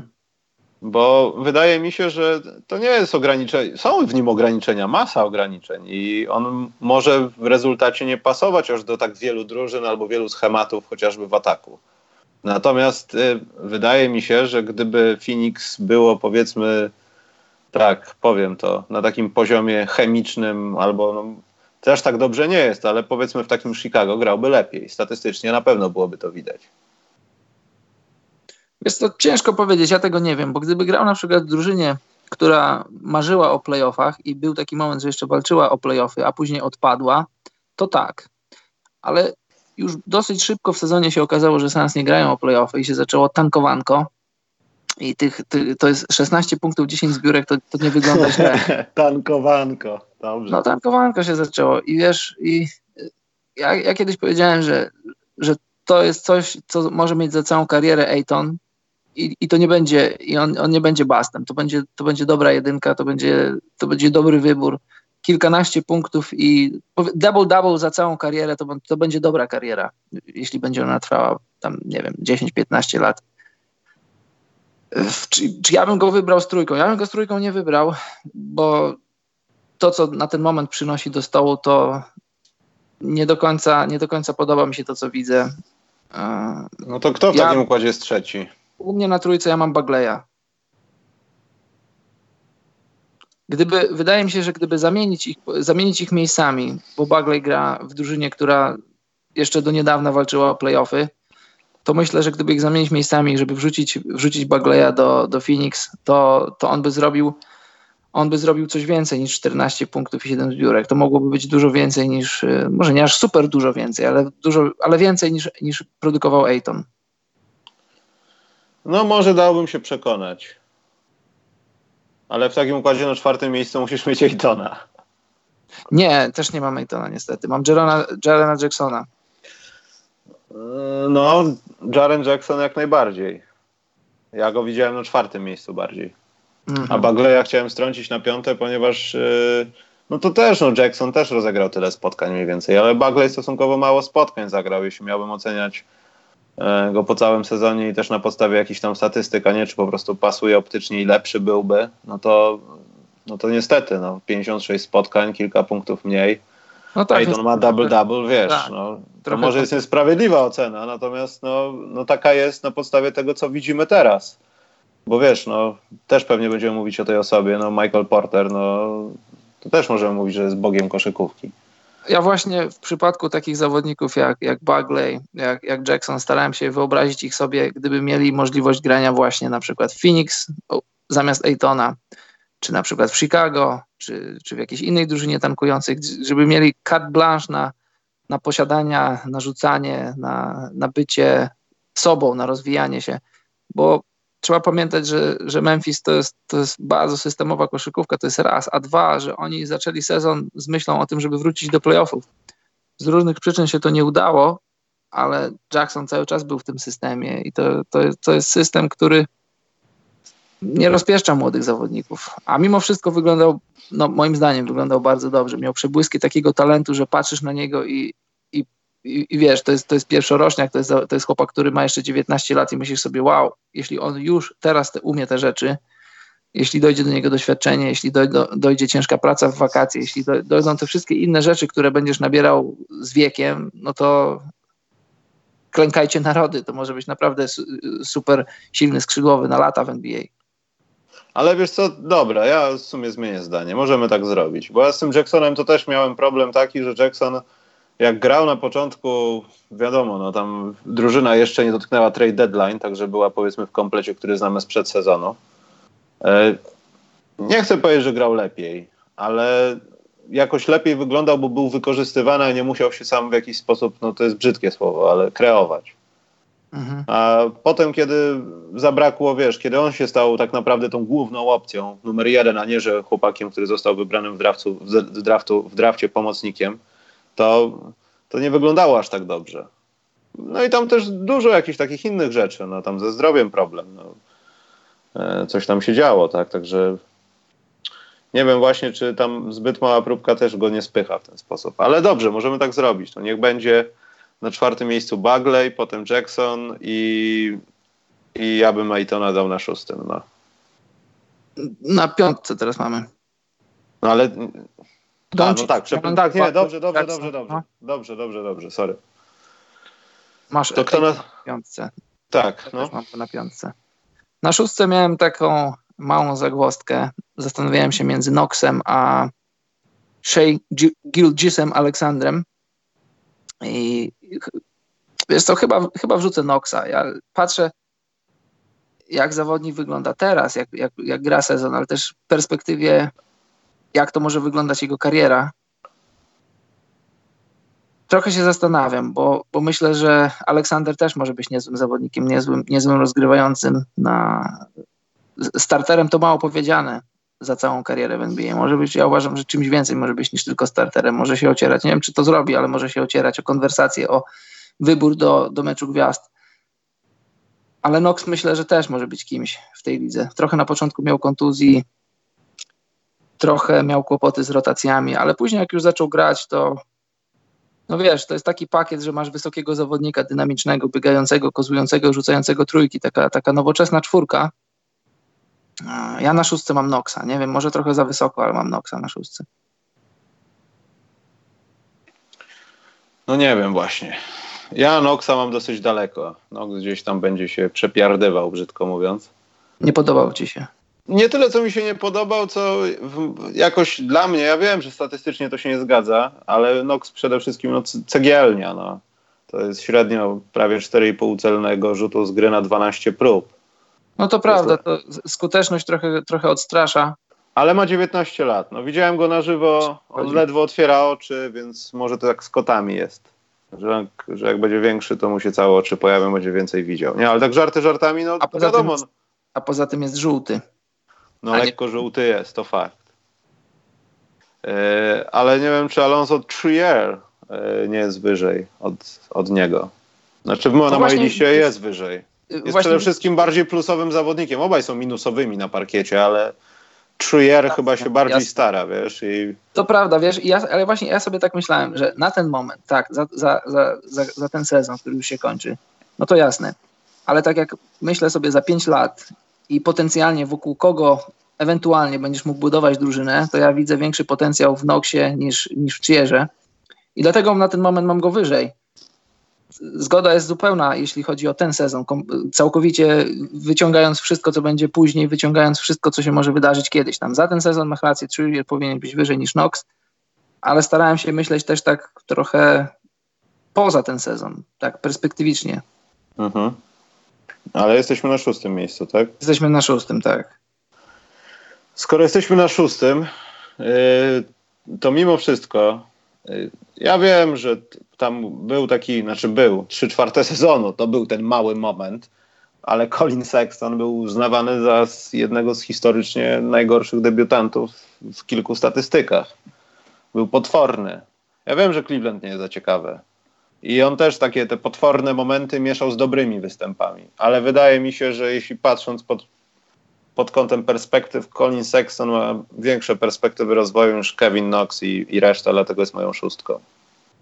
Dobrze, może być, chociaż ja myślę, że no tak jak już powiedziałem, no za pięć lat zdziwię się, jeśli będzie drużyna zbudowana wokół Sextona, a nie zdziwię się, jeśli będzie zbudowana wokół Knoxa. Jasne, za ten sezon masz rację, to, to nawet nie ma co dyskutować, no bo sama skuteczność Knoxa, no, no, Knox ciężko miał, żeby znaleźć drogę do kosza. No ale jakoś mimo wszystko nie wiem dlaczego, ale podoba Poza tym ja go pamiętam po zeszłorocznym turnieju March Madness, to koń jest. To nie jest człowiek, to jest koń.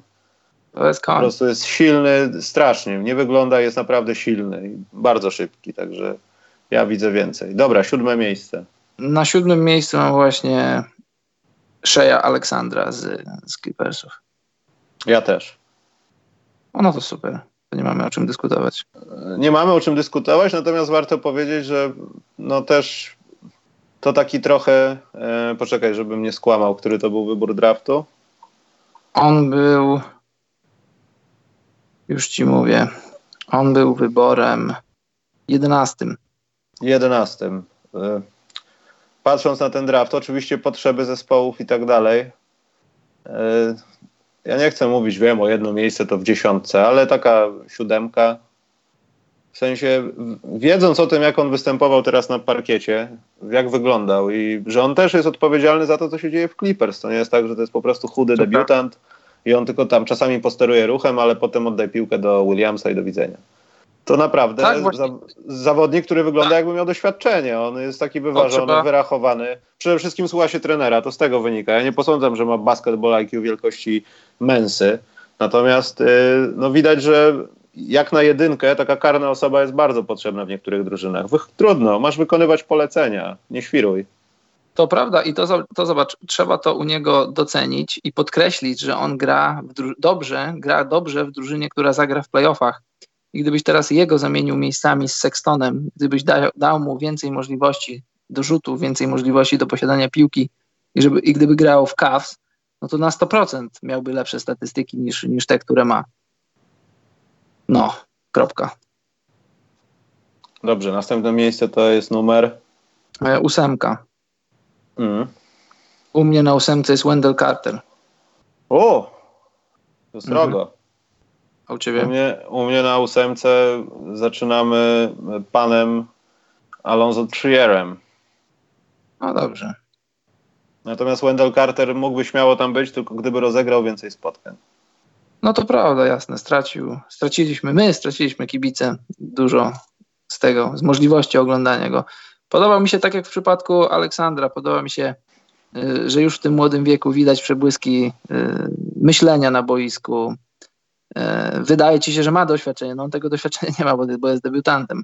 Ale no, wygląda na takiego myślącego chłopaka. Ja lubię takich zawodników. Dziewiątka. Na dziewiątce mam. E, tutaj mam właśnie Colina Sextona. Mhm. To ja mam tutaj Noxa. Dobrze. To dziesiąte. Ja mam właśnie Trira na dziesiątce. Alonso. Na dzies- no, a ja mam problem, czy bo to samo, co powiedzieliśmy o SGA, stworzyłem ten skrót, to czy nie możemy tak powiedzieć o Landrym Szamecie? Możemy, bo ja mam Ashameta na 11, to żadna różnica. Mogę dać się przekonać, żeby mieć go na 10. To daj się przekonać, żeby mieć go, bo ja też go Proszę. mam na 10. Proszę bardzo.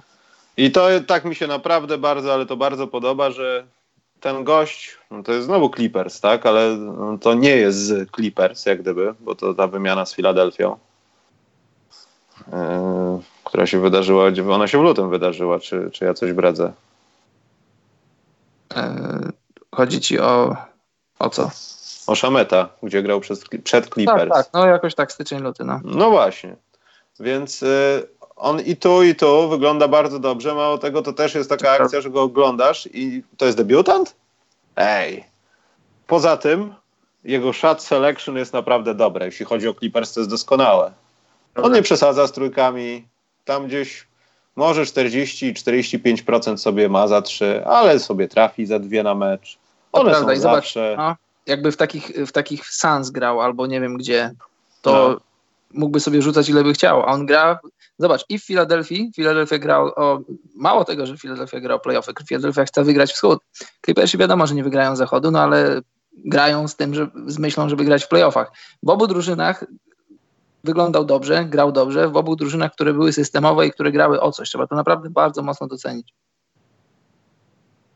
I przede wszystkim, to, to, jest, to jest bardzo ważne, że on broni może nie jest tytanem obrony jeden na jeden, ale przynajmniej potrafi zobaczyć, co się dzieje, kiedy oni stawiają pick and rolla, a ja muszę zareagować. Patrzy na zawodnika, który mu pomaga. Bardzo mi się to podoba.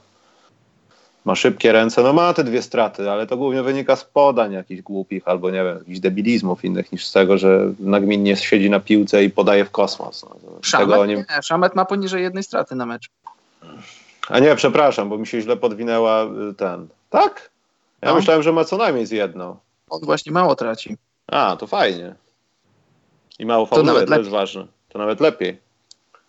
Ma bardzo mało fauli, fauli, to jest ważne w fantazy, no ale nie w prawdziwym życiu, więc będzie teraz numer... Warto nie follow. No ja wiem, ale w koszykówce u młodocianych nie zawsze tak jest. 11 w takim razie, Karol. 11. 11. Mój drogi. E, no ja tak miałem. Dziewiątka Sexton, dziesiątka Trier, jedenastka Shamet i dałem się namówić na coś, tak, żeby zamienić Triera z Shametem. Może być, no to, no to dziesiątka Shamet, jedenastka Trier. Z dwunastką mam Milesa Bridgesa. O! No. A ja mam Wendela Cartera. Dobrze. Dałbym więcej, bo widziałem dużo w tych 44 spotkaniach, ale nie aż tak dużo. Myślę, że double-double byłoby spokojnie. Więcej bloków byłoby spokojnie. E, podajemy nawet, także jest bardzo dobrze, jeśli biegniemy sobie w transition i tam Wendell gdzieś tam jest i można mu podać, on odda, poda, wiesz, bardzo to dobrze jest. E, tylko, że byłoby więcej, gdyby więcej zagrał, no, po prostu. Kontuzja nie wybiera, no. Ale 19 lat, ja myślę, że Chicago najbardziej z niego skorzysta z tych dotychczasowych swoich pików w drafcie. To będzie gość.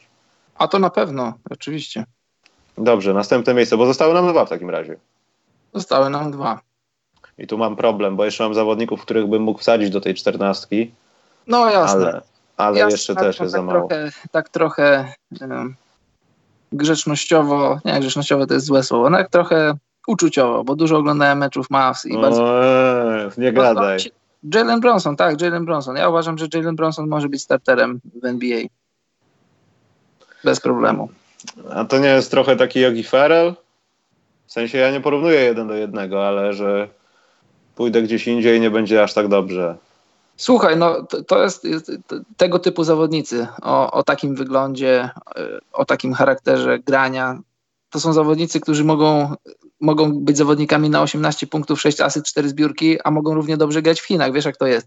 Dostaniesz szansę, trafisz do dobrego trenera, trafisz w dobrą rotację, będziesz błyszczał zakurzą cię, gdzieś na, y, na ławce, to wylecisz z NBA. No tak to jest. Ja wydaje mi się, że moim zdaniem, jeśli Jalen Bronson dostanie szansę, a na ten moment wygląda, że, że Dallas je dostaje, chociaż nie wiadomo, jak będzie to wyglądało w przyszłym roku, jak zakontraktują jakąś dobrą jedynkę. Z tego, co widzę, dobrze myśli, dobrze rzuca, dobrze się rusza po boisku, podejmuje niezłe decyzje. Jak dla mnie może być starterem na ładnych parę lat w NBA. Nie jest jakiś tam szałowy wybór. Nie wiem, czy będzie All-Starem, pewnie nie będzie, ale poświęciłbym 13 numer, żeby go wybrać. No te ostatnie tygodnie to potwierdzają to, co mówisz, ale czy ja bym mu to dawał 15, 16 może. A to Dlatego... jasne, to oczywiście w takie miejsca, wiesz, to nie ma, ja, nie, ja nie dyskutuję, czy to są miejsca od 13 do, y, do tam do 19 czy coś, no tak no to rozumiem, twój wybór, trochę, no okay. Wiesz, on, on został ostatecznie wybrany z 33 numerem i tak między, między tym, co się wydarzyło od 15 do 33, jasne, mamy tutaj szametów i mamy tam innych gości, których y, wyróżniliśmy, ale tak generalnie to, to jest taki trochę przemiał, wiesz jak to jest. A ja na tym miejscu, i nie dlatego, że mi w Londynie piłkę podał, jak rzucałem, ale wybieram Michela Robinsona. Też się zastanawiałem nad nim. Też mi Naprawdę to jest tak po cichutku, pomalutku, ale jeśli ktoś gra w fantazy, to wie, wszystko jedno jak punktowane, że to jest naprawdę przydatny gracz i dużo generuje, zważywszy na to, że z całego tego grona, o którym my rozmawiamy, to chyba gra najmniej, bo poniżej 20 minut na mecz. Tak. I chyba jest najskuteczniejszy, jeśli chodzi o całą klasę debiutantów, a nie wiem, czy w, nie w całej lidze w NBA. E, prawie 70% z gry. Osobiste fatalne, no to fatalne to jest. To jest coś, czego nie warto nawet oglądać, trzeba zamykać oczy. Natomiast y, to jest ok, jak najbardziej ok. I myślę, że daje go na to y, 13 miejsce, tak? Czy 12? Tak, 13, 13. No i z 14 jest kłopot. No i z 14 ja mam właśnie dwóch zawodników, właśnie Mitchell Robinsona łamany na Michael Porter Jr. O, to żeś dał no. teraz. No dałem i, i zobacz, jesteś, wybierasz z 14 numerem, czyli jesteś drużyną taką, która o włos nie weszła do playoffów. I właśnie taką drużyną byli Denver. Robisz sobie taki bezpieczny wybór i jak wystrzeli, to wygrałeś na loterii. Jak nie wystrzeli, no to trudno, to jest 14 wybór. I ja, gdybym miał 14 wybór i byłbym takim Denver, to, to też bym się nie zastanawiał. Gdybym wiedział to, co wiem, szkoda by było nie wybrać Szameta, szkoda by było nie wybrać kogoś innego, Trira na przykład, bo obaj by się przydali na pewno Denver teraz. Ale mogę wygrać na tej loterii. I, i jedynki bym nie poświęcił, top 5 bym nie poświęcił, top 10 też pewnie bym nie poświęcił, ale z 14, takim już jestem w połowie pierwszej rundy, gościa, który może być, gdyby był zdrowy, mógłby być top, top 3, top 5, no to go wybieram, tym bardziej, że dochodzą do nas wieści z Denver, że, że już dankuje, że już biega, że, że plecy dobrze się goją, że nic nie stoi na przeszkodzie, żeby zagrał od początku przyszłego sezonu. Tak myślę, nie wiem. No, po kontuzji w szkole średniej, czy tam przed szkołą średnią tak samo mówiono, złamał się i nie wrócił do gry, Karol. To wiesz, nie, no jasne, masz takie inklinacje, to koniec. Jasne, plecy to są plecy i to była poważna operacja. No, I nie masz 40 lat, wiesz. To prawda, ale nagroda tutaj może być bardzo duża. Pamiętasz, jak Galinari zaczynał karierę, on też miał problemy z plecami, też mu tam niektórzy wróżyli, że to już to może być początek końca młodego zawodnika. No, Galinari gra, otwiera szampany, będzie w playoffach grał. Jasne, że się łamie, dostaje kontuzji, ale jakoś plecy się nie odzywają po tych, po tych pierwszych dwóch latach w NBA. Znaczy ja nie, nie jestem jakimś na nie, w sensie ja go też wybrałem na podobnej zasadzie w drafcie do Ligi Fantazy i naprawdę sobie cenię, bo mało mu płacę, on nie gra, mam dowol- dodatkowy slot w składzie, no bo jest kontuzjowany, a w przyszłym sezonie no z chęcią zobaczymy odpowiednie cyferki tam na Yahoo, więc no. ja się bardzo cieszę. Natomiast 14 miejsce, no tak. Początkowo był Bronson. Ale też Fajnie. pomyślałem, że gdybym dał, nie dał mam, bam, Mambie, Bambie, który rzuca za trzy punkty, no, no, no ludzie, to, to w dodatku tragicznie, no bo ma tylko 30%. Y, rzuca w każdy, rzucał w każdym meczu. Ale ja myślę, że trochę zabrano mu show, w sensie no, zdrowie zabrało mu show i to, że tam jest Jonathan Isaac. Jak oni byli wspólnie na boisku, to albo Bamba musiał być wiodącą postacią w tym line-upie, albo Isaac, jeśli był, bo też to jakoś się miksowało z, z ich zdrowiem w tej pierwszej przynajmniej połowie sezonu, więc zrobię coś strasznego i postawię na Radionisa Kuruksa, żeby ktoś, ktoś był taki ze znajomym bardziej nazwiskiem, a nie amerykańskim. Bardzo dobrze. Bo to jest takie cichutkie zaskoczenie. Ja tylko ubolewam nad tym, jak ten chłop, no można powiedzieć, że źle, bo cegli czasami, ale jak ten chłop y, rzuca za trzy punkty. W sensie naprawdę no trzeba na tym popracować. Z Benem Simonsem jakieś korepetycje, coś, bo no, to czasami wpada, ale czasami. I też mam trochę z tym problem, że debiutanci, Karol, zauważyłem, nie za bardzo przykładają się do osobistych. Ja wiem, że jest zależność, jesteś centrem, masz szansę być do bani, bo szak, bo coś tam. Ale jesteś przypadkowo, przykładowo takim tryerem i masz 80% z osobistych. No. no. Karol, no potrafimy chyba, znaczy ja wiem mecz i wszystko, ale byśmy się otarli o 9 dyszek, o 85, no szanujmy się. No ja się właśnie zastanawiam, Michał, jak to jest w NBA. Czasem tak sobie wizualizuję, że ja myślę, że dostajesz piłkę i, i to jest, to, to nawet nie chodzi o presję, nawet nie chodzi o to, że jesteś w NBA, tylko perspektywa, wiesz, dookoła 20 tysięcy ludzi. I to jeszcze raz mówię. Nie, nie no ja to rozumiem, chodzi, jasne. Nie chodzi, nie chodzi o presję, tylko chodzi o to, że nigdy nie masz okazji do trenowania w takich warunkach, że zawsze twoim odniesieniem jest, jest, jest kosz, ściana, jakieś tam światło. Nigdy nie grasz, nigdy nie trenujesz przy 20 tysiącach ludzi i to są inne światła, to inny, inne rzeczy, które trafiają do twojego ucha i ciężko jest takie rzeczy trenować.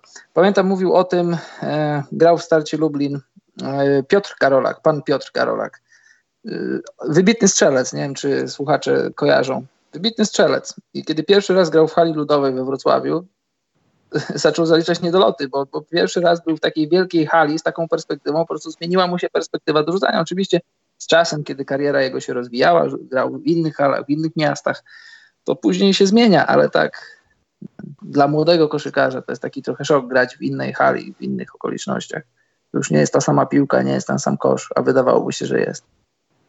No to też prawda, no ale też, też nie róbmy z takich z nich ofiar, no to są setki, tysiące rzutów a nie, to osobistych nie, nie, w tygodniu, no i wiesz, to ci łapka sama chodzi, to masz zamknięte oczy i masz to w dupie. Tam ci mogą Jasne. wyzywać i tak dalej. W klacz możesz się pomylić, no bo wali ci serce, wiesz, że to jest jakaś odpowiedzialność, coś tam, cokolwiek, a tak, no ciepiesz, no i tak się zastanawiam. To jest bardzo dziwne.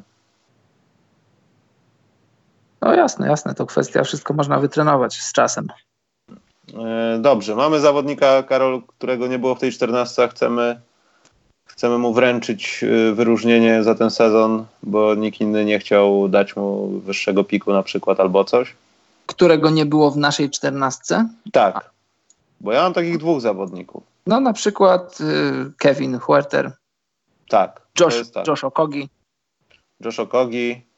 E, ja nie wymieniłem Milesa Bridgesa, natomiast powinien się znaleźć też w tej liście. To był jeden z tych takich niestety wymiennych. I ten drugi Bridges również z Phoenix. Myślę, że mógłby gdzieś tam się przepełznąć koło tej czternastki. Śmiało. Wiadomo, że Phoenix to jest minus dla kogokolwiek, kto będzie o tobie, na, na ciebie stawiał. Natomiast e, to chyba tak, chyba nie mam nikogo więcej. Też chyba nie. Dobrze, Karol, to w takim układzie przejdźmy do pytanek.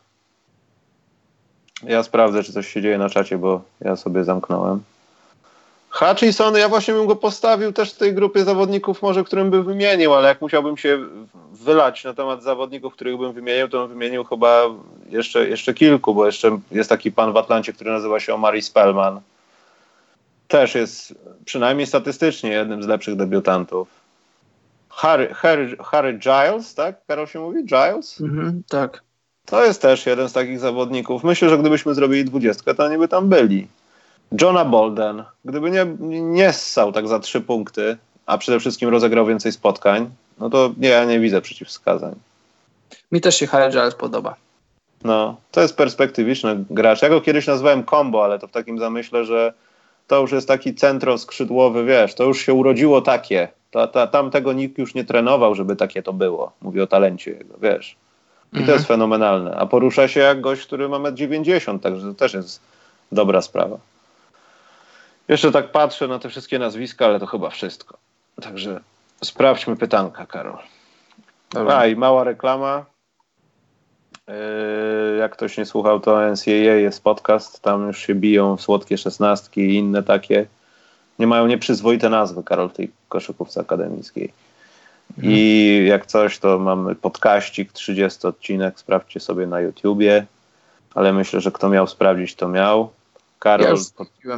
I co, co uważasz, Karol, na temat podcastu NCAA?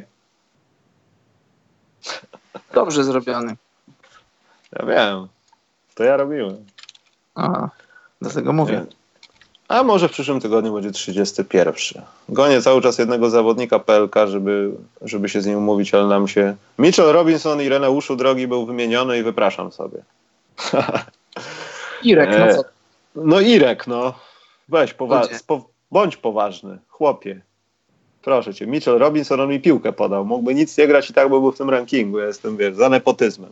Karol, nie mamy żadnych pytań. Czyli te rankingi internetowe, że nikt nas nie lubi w porównaniu do reszty podcastów, to prawda. To jednak prawda. To jednak prawda. No były jakieś pytania na początku. Ale Karol, jesteśmy najnudniejszym podcastem w sieci. Czego można byłoby się tu spodziewać więcej? Właśnie. O, właśnie, bo w co nas wpienia? W newsikach miałem coś powiedzieć. Karol, co uważasz na temat y, tej całej imprezy y, z odejściem, znaczy z, z odejściem, z zawieszeniem i w ogóle emeryturą Manu? Co? Co myślisz o tym wszystkim? Znaczy, no, z Manu była ta impreza, jego zakończenie A, imprezy. Mówisz, mówisz zawieszenie emerytury, to pomyślałem Nie, sobie, zawieszenie w sensie, że połączone, wiesz, zawieszenie A, pod tak, tak sufitem, tak, tak. emerytura i wielki jubel. Tak, tak. Nie widziałem przecinka, myślałem zawieszenie emerytury. Y, no co mam myśleć? Y, no bardzo się cieszę. Jego koszulka zawisła, znaczy znalazła się tam, gdzie jej miejsce. Wspaniała kariera, świetny zawodnik, bardzo go lubiłem. Cóż więcej mogę dodać? Chyba rozmawialiśmy, o, no, znaczy nie chyba, na pewno rozmawialiśmy o Manu, nie pamiętam przy okazji czego, ale no wiesz. No. Myślałem. Karol, że twoim głównym y, punktem za, zapalnym tej całej sytuacji była, była postać Tima Duncana z fryzurą nową. Myślałem, A, że... Wiesz, no Tim Duncan teraz kickboxing trenuje, może zacznie występować, no to musi imisz trochę podrasować. I właśnie tutaj chciałem, Karol, bardzo ważną rzecz powiedzieć, bo mnie to zdenerwowało trochę. Wszyscy ludzie teraz stwierdzili, że on trenuje. A, w ogóle jest news, znaczy news. Ja to przeczytałem z kilka tygodni temu, że podobno Royce White, wiesz, ten co się bał latać tak, samolotem, tak, tak. No. On w MMA chce spróbować i on bardzo robi wszystko, żeby gdzieś tam pokrętnie trafić do UFC. Nie wiem na ile to prawda, nie ma żadnych zdjęć z treningów, ale, ale wiesz, nie boi się latać samolotem, ale ale też, ale boi się, ale nie boi się wyłapać od nogi od jakiegoś Brazylijczyka w twarz i dostać, wiesz, wylewu, nie? To jest dziwne. E, także tak, taka jest informacja. A co chciałem, no? Nie, no nic, śmieję się tylko. Do, niech e... próbuje, oczywiście, to był dobrze zbudowany człowiek. Ja wiem, ale to trochę znaczy komedia. E, natomiast Tim Duncan, on to robi od dawna. To nie jest tak, że teraz tak, pojawił tak. się ten film. Ten film jest ultra star, znaczy ultra, no nie wiem, z 3, z 3 lata on może zaczął, mieć on zaczął trenować sztuki walk zaraz tylko jak zakończył karierę, a nawet, a nawet trenował już elementy w ramach swojego treningu koszykarskiego jeszcze na kilka lat zanim zakończył karierę. Można w zasadzie powiedzieć, że sztuki walki uratowały jego koszykówkę, bo był taki okres, że Tim Duncan miał kłopoty z kolanami, troszkę miał nadwagi, może nie jakiejś takiej super wielkiej, nigdy nie był jakiś gruby, ale to sporty walki uratowały jego, jego kondycję, pomogły mu zrzucić kilogramy i co się przełożyło później na to, że, no, że trochę odciążyło się te kolana. Yy, tak, masz rację. A. Natomiast wiesz, Karol, że już coraz więcej karata opasek jest w sieci, znaczy w sieci zła.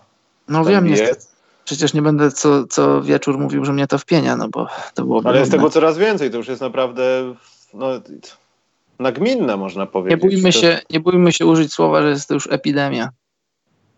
To jest epidemia opasek karate. Poczekaj, coś na czacie jest. Yy, najpierw a co byście powiedzieli o Wagnerze? Czy Wagnerze? Moritz Wagner. Wagner. Ej, to jest dobry, tre dobry trener. dobry center. Dobry. Natomiast y, ja nie wiem, czy to jest dobra drużyna. No. Może w jakimś Memphis by tam pasował, wiesz, Mike Conley biegnę przez no, połowę godziny, możemy, wiesz. Co możemy o nim powiedzieć, jak nie grał za dużo. Ale myślę, że na tyle, na ile mogliśmy go widzieć, ja myślę, że będzie solidnym koszykarzem, coś jak Jakub Pertl. Jeśli będzie miał okazję na granie, to będzie przynajmniej dobrym backupem, a też myślę, że może być, ja mówię tutaj o Peltrze, ale w perspektywie właśnie Wagnera, że to może iść podobną drogą, że będzie, będzie niezłej klasy podkoszowym. Jest pytanko, Karol. No. Gdzie prędzej zawiśnie koszulka KD po zakończeniu kariery? W Kalifornii czy w Oklahomie? Myślicie, że kiedykolwiek zmieni się podejście do niego w OKC? To samo pytanie można zadać, czy podejście się zmieni do Jamesa Hardena w OKC, albo czy zmieniło się do Reggie'ego Jacksona w OKC. No, nie widzę trochę związku, bo gdyby tam on chciał, to myślę, żeby został. To się sytuacja chyba o to głównie rozbiła, a nie o jakieś większe cele. Nie wierzę w to za bardzo. Czasami po prostu jest tak, że zawodnik chce walczyć o, w końcu o coś, a nie być cały czas w tym bagnie. No i w końcu on stwierdził, że to jest bagno. I postanowił zdecydować na, inaczej hashtag cupcake, czy jak to się tam nazywało kiedyś. Cupcakes, no. No, y, gdzie prędzej Karol zawiśnie koszulka KD? Ja nie wiem, czy ona nie powinna zawisnąć w Seattle, jeśli za 5 lat ta drużyna może się pojawić w NBA. To jest chyba jedyne miejsce. Jeśli Oklahoma jest miejscem, które się ma kojarzyć bezpośrednio ze Seattle, bo są powiązane te organizacje tak, tak jak wszystkie miasta, które się gdzieś kluby przeniosły, a potem są gdzieś indziej, no to w, chyba w Oklahomie, ale tak naprawdę w Seattle wydaje mi się. Nigdzie. No, z tym optymizmem, Karol, to. Nie, no, Naprawdę? No, no, nie wiem, no. W Golden State Warriors, Warriors nie potrzebowali go, żeby zdobyć tytuł. Znaczy w, w roku 2017 bardzo go potrzebowali. W 2018 też może trochę mniej. Dwa tytuły, trzy zagrane lata, znaczy na razie dwa, to jest trzeci sezon, może też będzie zakończony tytułem. No to nie każdemu się daje, wiesza się koszulki za, za to, że był częścią, znaczy bardzo ważną, najważniejszą, dwa razy MVP. Jak dla mnie to jeszcze za mało lat zagrał w Warriors, żeby być w Warriors. W Oklahomie, mimo że zagrał tych 9 czy tam 10 lat, to sportowo nie zrobił aż tak wiele. Znaczy indywidualnie zrobił bardzo dużo. Oklahoma była świetną drużyną. Raz zagrali w finale, w finałach konferencji grali chyba 3 czy 4 razy. No ale mistrzostwa nie zdobył, odszedł w, w okolicznościach, w jakich odszedł.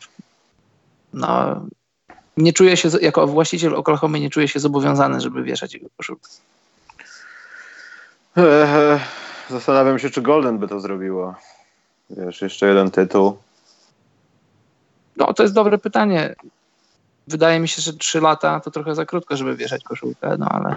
No ale jakościowo to się zgadza chyba jak najbardziej. No tak, ale... Światosław. Michajluk. Nie, nie, to nie jest nawet 20 draftu. Szybko go wygenerowali do G-League. Nie. Nie, nie, nie. Hmm. Karol, jest pytanie następne. Chcielibyście powrotu McDonald's Championship? To jest to McDonald's, co szkoła średnia tak. w sensie, czy to co w Europie? Nie, bo... Klubowe Mistrzostwo Świata chyba ma na myśli. Nie, no to byłoby bez sensu. Kluby NBA by nie przywiązywały do tego większej wagi, myślę. Chyba, że to słabsze. Generalnie chciałbym zobaczyć. Podobało mi się. Pamiętasz, jak w roku 90 chyba siódmym Chicago Bulls przyjechali właśnie do Paryża. Nie pamiętam z jakim klubem grali, a tam był taki jeden człowiek, który krył Jordana tak podekscytowany, że przy pierwszym, z, w, przy pierwszym zwodzie Jordana on się, on prawie że z butów wyskoczył. No to jednak wiesz, jest to, no to jest przeżycie grać przeciwko Jordanowi. Chciałbym to zobaczyć. Znaczy zobaczyć to bez wątpienia też bym chciał, ale ja w to nie wierzę, że tak by się stało. To są wakacje mimo wszystko. Chyba, że to nie, no byłoby no zorganizowane w ramach, nie wiem, pre-season. No, no w ramach pre-season na przykład, czemu nie? Tylko, że widzisz, no automatycznie wtedy by się przydało więcej ekip, panie, że jedna tam odwala, wiesz, Ligę Mistrzów, a reszta gdzieś tam jeździ po Chinach. To też by no, chyba wiesz, nie... klubowy mistrz z każdego kontynentu i masz tych no, drużyn. Logistycznie to ciężko.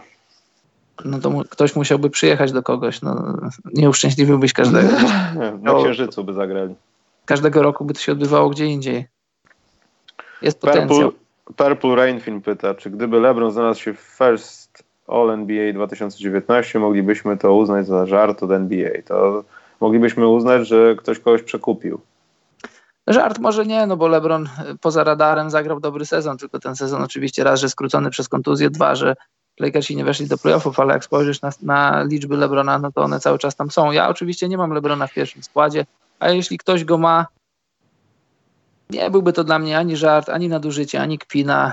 Ale po nie, prostu... Karol, mówmy się. Ale nie, ale poczekaj, tak, ale żart. oczywiście trochę, to byłaby nieuczciwość dla Paula George'a i dla KD na przykład, i dla Antetokounmpo, których mam powyżej LeBrona za ten sezon.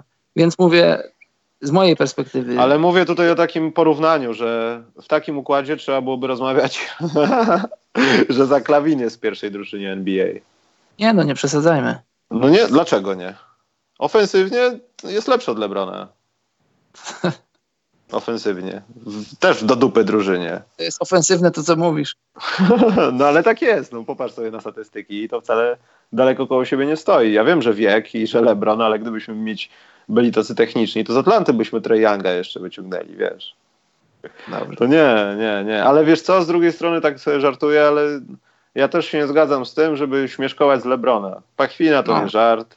Wkurzenie, żeby nie powiedzieć wkur na drużynę to jest dwa, trzy, to są oczekiwania. LeBron ma może te 30 parę lat, ale mimo wszystko też wie o tym, że w środku się w nim gotuje. Wyłączenie social media na playoffy to nie jest dlatego, żeby pokazać światu, że mogę, tylko nie chcę mieć powodów, żeby się wpieniać. I to bardzo na niego wpływa. Poza tym po raz ostatni, no te zestawienia, co się działo, kiedy po raz ostatni LeBron nie był w playoffach, albo że był pierwszy raz, no to masakra jest. No. Tyle rzeczy nie było. Teraz Mateusz przyjdę. Dobosz. Michał, czy trafiłeś kiedyś na zapleczu na mediów na jakieś dobre burgery? Nie. Nie. W Berlinie była sytuacja, że chyba jakoś regionalnie chcieli pojechać i była, był wurst z tą, z, no, z kapustą. kapustą. Tak. No. I wyżarli wszystko Ruscy. Poważnie. Że już po, po, po drugiej połowie nie było. A było tego całkiem ja, sporo. Ja trafiłem na burgery dla mediów. No to byłeś w USA, to się nie liczy. Ale wiesz, nie, ale to było na Mistrzostwach Europy we Francji i one to nie były takie regularne hamburgery, tylko takie jak masz takie przyjęcie koktajlowe, że takie bierzesz sobie A, koreczki, takie na, na, dwa kęsy, takie na jeden kęs, takie małe bułeczki, małe, małe kotlety w środku, takie małe mini, mini burgery. Przemek w Hiszpanii to, kurde, to zawsze jakieś dobre przysmaki miał. I na ciepło, i nie na ciepło. No to bardzo dobrze. Tak. Dobrze. Tak. Na Mistrzostwach Świata w Hiszpanii super była kuchnia, bardzo dobra. Ostatnie pytanie tego programu. Karol Bartku pyta, piątka sezonu z zespołów, które nie dostały się do playoffów. Hmm. No zaczęlibyśmy od LeBrona Jamesa układanie takiego składu.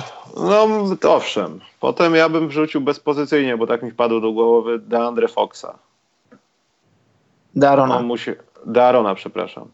On no musiał być dwójce, tutaj... Na dwójce mój kolega Bradley Bill.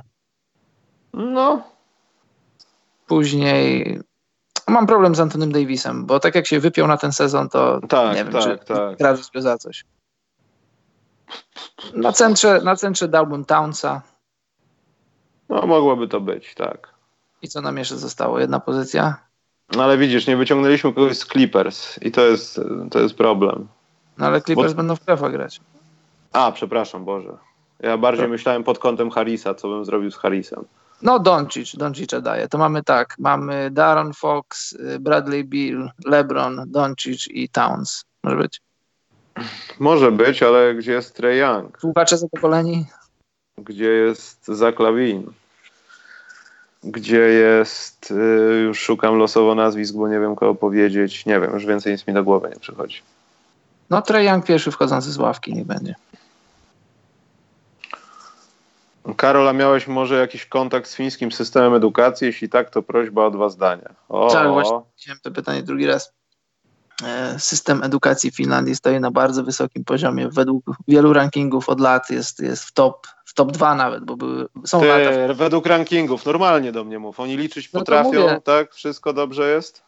Słuchaj. To rankingi, Karol. Rankingi to raz, wiesz. Kolejny, kolejny raz mi przerywasz. Ja zacząłem zdanie, chciałem, to było wprowadzenie, chciałem dalej mówić. Celowo, bo mamy ważniejsze pytanie z fizyki kwantowej. Dobrze, Dobrze więc mówię dalej. Y, super jest system edukacji w Finlandii. Jest takie powiedzenie w Finlandii, która szkoła jest najlepsza. Bo czasem jak, jak wy, wy posyłasz dziecko do szkoły, to się zastanawiasz, do jakiego wysłać swoje dziecko. Która szkoła w mieście jest najlepsza, która jest najlepsza. W Finlandii jest takie powiedzenie, która szkoła jest najlepsza? Ta, która jest najbliżej twojego domu. System jest, y, czy to jest mała wioska, czy to jest centrum Helsinek, to system jest, jest taki sam, poziom jest podobny, nauczyciele z pasją. Yy, bardzo mi się podoba i, i no chciałem powiedzieć, że nie mogę się doczekać, no nie wiem, co, co przyniesie przyszłość, ale jeśli moje dziecko, znaczy jeśli ja nadal będę mieszkać w Finlandii, a moje dziecko będzie uczestniczyć w tym systemie edukacji, no to nie mogę się tego doczekać, bo miałem okazję widzieć fińskie i szkoły, i przedszkole z bliska i no naprawdę czapki z głów dla tego systemu czujesz się naprawdę, czujesz się przede wszystkim jak w domu. Przestępujesz. Ale, ale Karol, tak, tak Jest tylko jedno zdanie, jedno zdanie. Przestępujesz próg szkoły, zdejmujesz buty, czujesz się jakbyś w domu, bo to jest taka niby mała rzecz, a jednak a jednak coś tam znaczy. Szkoła Ale jest tak. Bardziej, bardziej mi chodzi o to, jak odbierasz tych ludzi, którzy są po tym systemie edukacji. Wiem, że no, masz w różnym jakimś tam, nie wiem, rozpiętości wiekowej z ludźmi do czynienia, ale czy, nie wiem, tak. odbierasz to, że oni są co, nie wiem, oczytani, oczytani bo znają klasykę poezji światowej, E, ich liceum kończy się na tym, że masz doktorat z fizyki, wiesz, o takie rzeczy bardziej przyziemne, no bo to, że tam w rankingu jest pokazywane, że oni się dostają na studia, bo to też pokazują tak. rankingi, no to jest takie, wiesz, no do dupy trochę czasem. Przyziemne rzeczy to y, fiński system jest bardzo pragmatyczny, uczą piec, gotować, smażyć, y, zbijać deski wiesz, robić rzeczy takie, które są, które są potrzebne w życiu normalnym, codziennym, zakładać konta w banku. Takie rzeczy, proste rzeczy. Ale też jeśli chodzi o takie czysto akademickie rzeczy, to też, to też stoi to na, na, na dobrym poziomie, uczą się, no to no, tak jak my, biologia, historia, wiesz, są kraje, które są skupione tylko na sobie, jeśli chodzi o historię, jeśli chodzi o politykę, a z tego, co tutaj widzę, bo też mam e, znajomych i, i w liceum, i, i starszych, i młodszych, to, to jest szerokie spektrum wiedzy przekazywanej. W takim układzie pokażesz, jak dobrze jest e, z waszym e, systemem edukacji. Już mogę powiedzieć z waszym, Karol, bo już tam to za długo jesteś, więc sądzę, że wiesz wszystko po ich niemu. Czy stan splątany i kwantowa teleportacja implikuje iluzoryczność czasoprzestrzeni, Karol? O, Wydaje mi się, że nie. Zależy, jakie parametry przyjmiesz do, do wyników badań.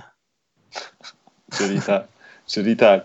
Eee, o właśnie, to jest Lauri podobno już trenuje, więc chyba nie jest źle z jego zdrowiem, ale tam był jakiś kłopot z sercem, że wykryto u niego arytmię i tam przez jakiś czas badano, czy tam wszystko jest w porządku, tak mi się wydaje. Tak, tak, plus przemęczenie sezonem. Mm. No dobrze, to chyba wszystko, Karol, możemy sobie iść. Możemy. Sam byłem świadkiem, jak koleś smażył na margarynie. No, jeśli się da, słuchaj, no to też nie widzę przeszkód. Ja, ja poznałem w swoim życiu takich, którzy smażąc mortadelę zdołali ją jeszcze posolić.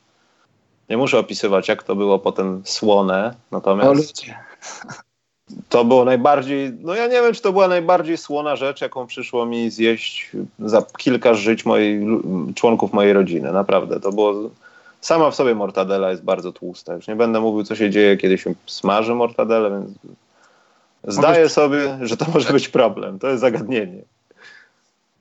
Dobrze, Karol. E, więc tak.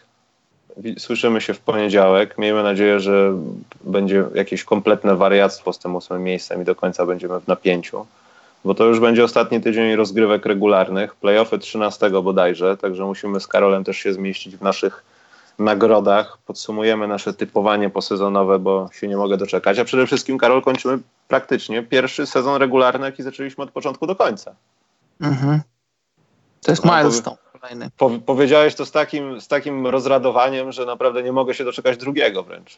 Nie, bo tak się zastanawiałem, czy faktycznie to prawda i tak zrobiłem sobie taki przejazd przez cały sezon myślą i faktycznie tak jest, no.